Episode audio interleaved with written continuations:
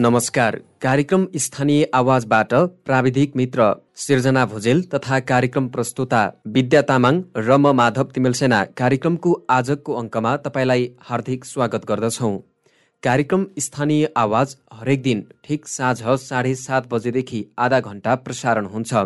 तपाईँले यो कार्यक्रम रेडियो क्यान्डिड बयानब्बे दशमलव सात मेगा हर्समा हाम्रो website W W W dot radio candid dot कममा हाम्रो आधिकारिक फेसबुक पेजमा रेडियो क्यान्डिडको एप्स डाउनलोड गरेर र पोडकास्टमा समेत सुन्न सक्नुहुन्छ। नेपालको प्रदेश नम्बर सात अन्तर्गत अछाम जिल्लाका चार नगरपालिका र छ गाउँपालिका मध्ये पञ्चदेवल विनायक नगरपालिका निर्वाचन क्षेत्र नम्बर दुईमा पर्दछ। पूर्वमा कालीकोट जिल्ला पश्चिममा कमल बजार नगरपालिका उत्तरमा रामरोशन गाउँपालिका तथा दक्षिणमा दैलेख जिल्लाको आठबिस नगरपालिकाको बीचमा अवस्थित पञ्चदेवल विनायक नगरपालिका प्राकृतिक सम्पदा र साधन स्रोतमा सम्पन्नशाली नगरपालिका हो। जल जमिन वन जङ्गल जडीबुटी जङ्गली जनावर र उर्वर भूमि रहेको साथै मध्य पहाडी लोकमार्ग पनि बीच भागमा हुँदै जाने हुँदा यस नगरपालिकाले उच्च आर्थिक एवं पर्यटकीय सम्भावना बोकेको छ। यो नगरपालिकाको उत्तरी क्षेत्रमा पानीका स्रोतहरू जङ्गली जडीबुटी जङ्गली जनावर स्लेट ढुङ्गा पाइनुका साथै हराभरा जङ्गल भएको कारण पशुपालनको लागि चरण क्षेत्रको उच्च सम्भावना रहेको छ। यो नगरपालिकाको मध्य भागमा पशुपालन तथा फलफुलको खेतीको सम्भावना रहेको छ भने पूर्वी भागमा धान गहुँका साथै तरकारी खेतीको सम्भावना प्रचुर मात्रामा रहेको छ। पूर्वमा कर्णाली नदी तालागाडा खोला पश्चिममा कुइका खोला सधैँ पानी बगिरहने खोलाहरू हुन्। यी खोलाहरूबाट ढुङ्गा गिटी बालुवा जस्ता निर्माण सामग्रीहरू उपलब्ध गर्न गराउन सकिने अवस्था छ। पञ्चदेवल विनायक नगरपालिका क्षेत्रभित्र ऐतिहासिक पञ्चदेवलहरू जसको नामबाटै यस नगरपालिकाको नामाकरण भएको हो। मस्ट माण्डौ बाल माण्डौ जस्ता प्रसिद्ध तीर्थस्थलहरू तथा कर्णाली नदी बेलखेत कालापानी जस्ता पर्यटकीय सम्भावना बोकेका क्षेत्रहरू रहेका छन्। यस नगरपालिकाको कुल क्षेत्रफल एक सय सडचालिस दशमलव सात पाँच वर्ग किलोमिटर रहेको छ। विक्रमसम्म दुई हजार अडसठी सालको राष्ट्रिय जनगणना अनुसार सत्ताइस हजार चार सय पचासी जनसङ्ख्या रहेको यो नगरपालिका साबिका कुइका विनायक कालिका स्थान ल्याटी तोली पुल्यतोला बारला र कालेगाडा गरी आठ गाविसहरू मिलाएर नेपाल सरकारबाट विक्रमसम्म दुई हजार त्रिहत्तर साल फागुन सत्ताइसमा घोषणा भएको हो। यस नगरपालिकामा विभिन्न जात जाति र भाषा भाषीका मानिसहरूको बसोबास रहेको हुँदा धार्मिक र सांस्कृतिक विविधता पनि उत्तिकै रहेको छ। आज हामीले यसै नगरपालिकाका मेयर देवराज देवकोटालाई तपाईँले नेतृत्व गर्नुभएको साढे चार वर्षको अवधिमा के के महत्त्वपूर्ण काम गर्नुभयो भनेर सोधेका छौँ। अब एक दुई तिन भन्दाखेरि एक नम्बरमा मात्र राख्नु कुरा गर्नुभयो भने सबैभन्दा महत्त्वपूर्ण भनेको सडक यातायात हो। हजुर। पहिले त चाहिँ सडकै भयो अब हाम्रो चाहिँ नगरपालिका पहाडी ठाउँ दूरदराजको ठाउँ पिछडिएको ठाउँ त्यसमा चाहिँ अब चौन्नदेखि चौहत्तरसम्म कुनै विकास योजना मतलब निर्वाचन पनि नभएको। त्यस्तो अवस्था थियो। बिस वर्षको कुनै भौतिक संरचना बन्न सकेका थिएन त्यहाँ। त्यसपछि चुनाव सङ्केत आइसकेपछि। त्यसपछि अब बाटोलाई नै प्राथमिकता दिएर सडक यातायातलाई मान्छे बिरामी पर्दाखेरि कमसेकम यो हरेक वडाको वाडा कार्यालयसम्म एम्बुलेन्स जान सक्ने अवस्था होस्। र अब फेरि महिलाको अकालमा ज्यान नजाओस् र त्यस्तो बिरामीलाई पनि समयमै एम्बुलेन्सबाटै भए पनि नगरपालिकाको केन्द्रीय कार्यालयसम्म जहाँ स्वास्थ्य सुविधासम्म स्वास्थ्य छ त्यो ठाउँमा ल्याउन सक्यो त्यहाँ जिल्ला चलाउन पुऱ्याउन सक्यो भन्ने उद्देश्यले नौवटा वडा छन्। नौवै वडा कार्यालयमा सडक पुर्याउनुपर्छ भनेर पहिले प्राथमिकता वडा कार्यालयमा सडक यात्रालाई दिएका छौँ। तपाईँको स्थानीय तहमा आम्दानीको स्रोत चाहिँ के हो? आम्दानी हामीसँग कुनै छैन। यो सङ्घीय सरकारबाट हामीले अनुदान जान्छ। त्यो हामीले भान्ने भनेको नौ दस करोड रुपियाँ हो। अरू चाहिँ के भने हामीले चाहिँ तलब भत्ता तोकिएर जाने हुन्छ। त्यसमा हामीले के गर्नु पाउँदैनौँ। र आन्तरिक राजस्व त्यहाँ उठ्दैन। बजार पनि छैन उद्योग धन्दा पनि छैन कुनै त्यस्तो चाहिँ अब राजस्व दिने संस्था चाहिँ नभएको हुँदा जति स्रोत छ सङ्घीय सरकारले दिने त्यही अलिकति थोरै बहुत प्रदेश सरकारले दिन्छ त्यही त्यही हामीले वितरण गर्ने हो। हजुर। अनि तपाईँको स्थानीय तहमा पर्यटकीय क्षेत्रहरू छन्? अब नगरपालिकाको नाम नै पञ्चदेउल विनायक नगरपालिका राखेको छैन। पञ्चदेउल भनेको पाँच देउल साकेत सम्मत बाह्र सय दुईमा योगी नरहरिनाथले आएर शिलालेखमा हेरेर उहाँले मिति पत्ता लगाउनु भएको थियो। साकेत सम्मत बाह्र सय दुईमा बनेको ती देउलहरू अग्ला देउलहरू छन् पञ्चदेउलको नामले नै त्यो ठाउँ अछामको नाम प्रसिद्ध स्थानहरू चिनिन्छ। त्यसपछि अब मठ मन्दिरहरू छन्। अब हामी चाहिँ अब हिन्दू धर्ममा विश्वास गर्नेहरूले चाहिँ अब यो विभिन्न चाड दसैँ खास गरी दसैँको बेला बलि दिने व्यवस्थाका ठुला मन्दिरहरू छन् देवीका शक्तिपीठहरू छन्। त्यस्ता चाहिँ सङ्गीत कर्णाली नदी छ जहाँ चाहिँ अब राडे राडाको तालको जाने बाटो खोलेको छ सुर्खेत राजमार्ग त्यसमा चाहिँ अब आन्तरिक यात्रुहरू बाह्य यात्रुहरूदेखि पनि अवरोधहरू गर्छन् त्यो कडाली नदी हेर्छन् त्यसपछि अहिले एउटा पुल पनि बनेको छ त्यहाँ अब मतलब यो चाहिँ कर्णाली प्रदेश र सुदूरपश्चिम प्रदेश जोड्ने मेरै नगरपालिका वार्ड नम्बर चारको बेलखेतमा त्यो पुल हेरेर जान्छन् यस्ताहरू चाहिँ तर त्यो कुरा रामरो छन् बाह्र खण्ड अठार अठार बन्ड भन्ने रामरो छ त्यही पञ्चजेल विनायक नगरपालिकै भएर जानुपर्ने हुन्छ त्यो ठाउँमा त्यस्ता ऐतिहासिक पर्यटन स्थल त छन् तर अब त्यहाँ के भने अहिले त्यो धेरै प्रचार प्रसार भएर धेरै चाहिँ अब यात्रुहरू त्यहाँ जाने पर्यटकहरू घुम्ने त्यो अवस्था भइसकेको छैन भनेपछि तपाईँको स्थानीय तहमा पर्यटकीय क्षेत्रहरू थुप्रै छन्।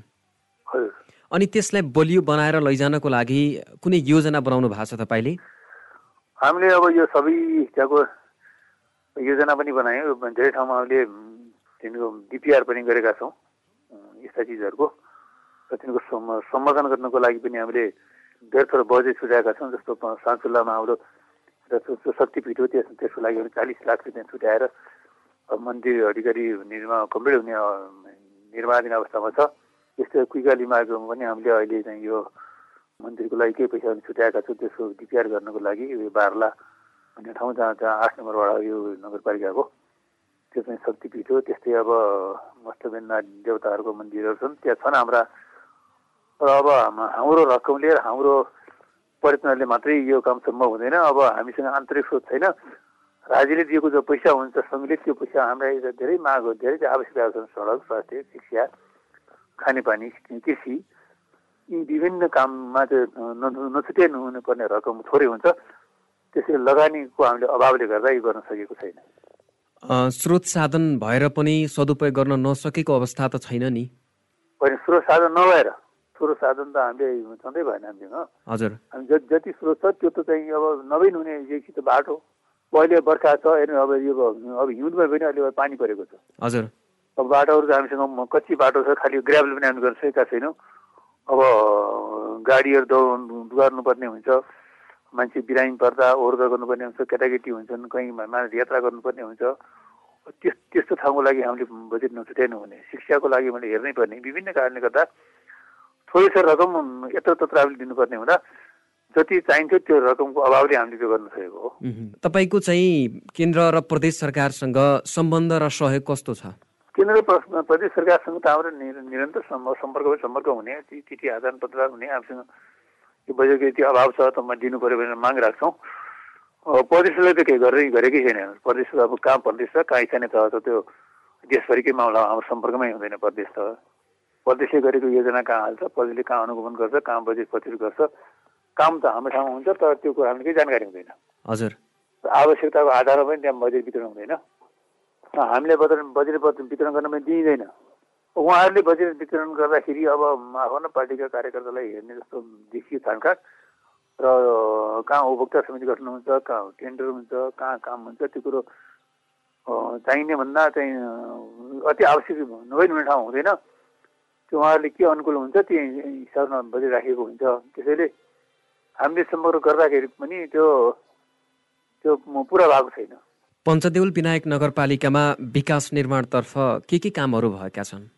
विकास गर्दा थुप्रैहरू काम भयो जस्तै? त्यो तपाईँले सुनिहाल्नुभयो अब नौवैवटामा सडक यातायातको पोज पुगेको छ। हजुर। अब शिक्षा र अब हामी म निर्वाचित हुनुभन्दा पहिले निजी स्रोतमा शिक्षकहरू भर्ना गरिएका थिए। शिक्षकहरूलाई पढाउने तलब नपाउने फी लिन नपाइने राज्यले शिक्षा निशुल्क गरेको छ। अनि अब शिक्षकहरू भर्ना रहेका छन्। अब अब यो दरबनी अनुसारको मतलब त्यहाँ दरबनी अनुसारको त्यहाँ शिक्षक भर्ना गरेको छैन। लोकसेवाले त्यो चाहिँ शिक्षा मन्त्रालयले पनि त्यो काम पुरा गरिदिँदैन अनि शिक्षा भर्नै गर्नुपर्ने। पैसा नुहाउने तल नपाउने त्यो थियो। र चाहिँ हाम्रो नगरपालिकाले अब त्यस्ता शिक्षकहरूलाई नगर शिक्षक भनेर दरबन्दी सिर्जना गरेर धेरै स्थानीयहरूको एउटै गुनासो छ अनि सडक निर्माण पूर्वाधार विकास लगायत भौतिक संरचनामा योजनाविहीन काम भएका छन् भन्नेतर्फ तपाईँ यसलाई कसरी खण्डन गर्नुहुन्छ?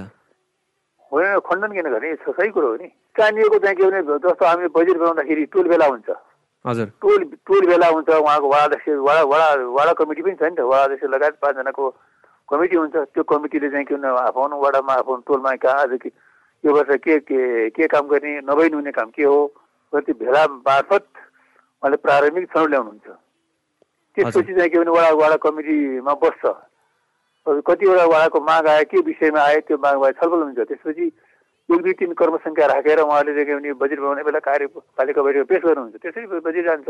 भनेपछि राजनीतिक अनि राजनीतिक व्यक्तित्व राजनीतिक आस्था र पहुँचका भरमा चाहिँ त्यहाँ विकास निर्माणका कुनै पनि योजनाहरू चाहिँ बाँडिएको छैन। नै नै पुरा सरसल्लाहले आवश्यकता अनुसारको मात्रै भनिन्छ हजुर। अनि बजेटको अवस्था र परिचालन कस्तो छ? बजेटको अवस्था त हामीले बजेट जति हामीले छैन त्यसको एक चौथा पनि हामीले हुँदैन। तपाईँले भनिहालेँ नि मैले मलाई कम्ती अहिले पचास करोड वार्षिक बजेट आएको भए त्यो सम्भव हुन्थ्यो। केही काम गर्न दस करोड रुपियाँ बाँडिने हो त्यहाँ जम्मा। हजुर। त्यो दस करोडले त्यो विकास बजेट भनेको दस करोडको हो। कहिले दस दस नौ दस एघार करोडसम्मको। अन्त त्यतिको चाहिँ विकास बजेट हुन्छ। त्यो मान्छेका आवश्यक असीमित छन्। अनि त्यसले गर्दाखेरि अब भनेको जस्तो उहाँ सबैका माग पुरा गर्न सकिँदैन तर नभई नहुने कुरामा प्राय त्यस्ता कुराहरू श्रवण गरेर हामी काम गर्छौँ। तपाईँले चाहिँ नेतृत्व गर्नुभएको स्थानीय तह पहाडमा छ होइन? जनताले प्राप्त गर्ने न्यूनतम सुविधाहरू पाएका छन् कि छैनन्? न्यूनतम सुविधा पाएका छन्। हजुर। भएको जतिमा सन्तुष्टि छन्। अब के गर्नु पनि अरू पनि थुप्रै सडकहरू बनाउनु पर्ने छ। त्यो साटा सडकहरू थुप्रै ठाउँ बनाउनु पर्ने छ। त्यो गर्न सकेको छैन बजेटको अभावले। सामाजिक सुरक्षाको विषयमा धेरैले प्रश्नहरू पनि उठाउने गरेका छन्। तपाईँको स्थानीय तहमा वृद्ध वृद्धा बालबालिका एकल महिला अपाङ्गता भएका व्यक्ति पिछडिएको समुदायको अवस्था कस्तो छ?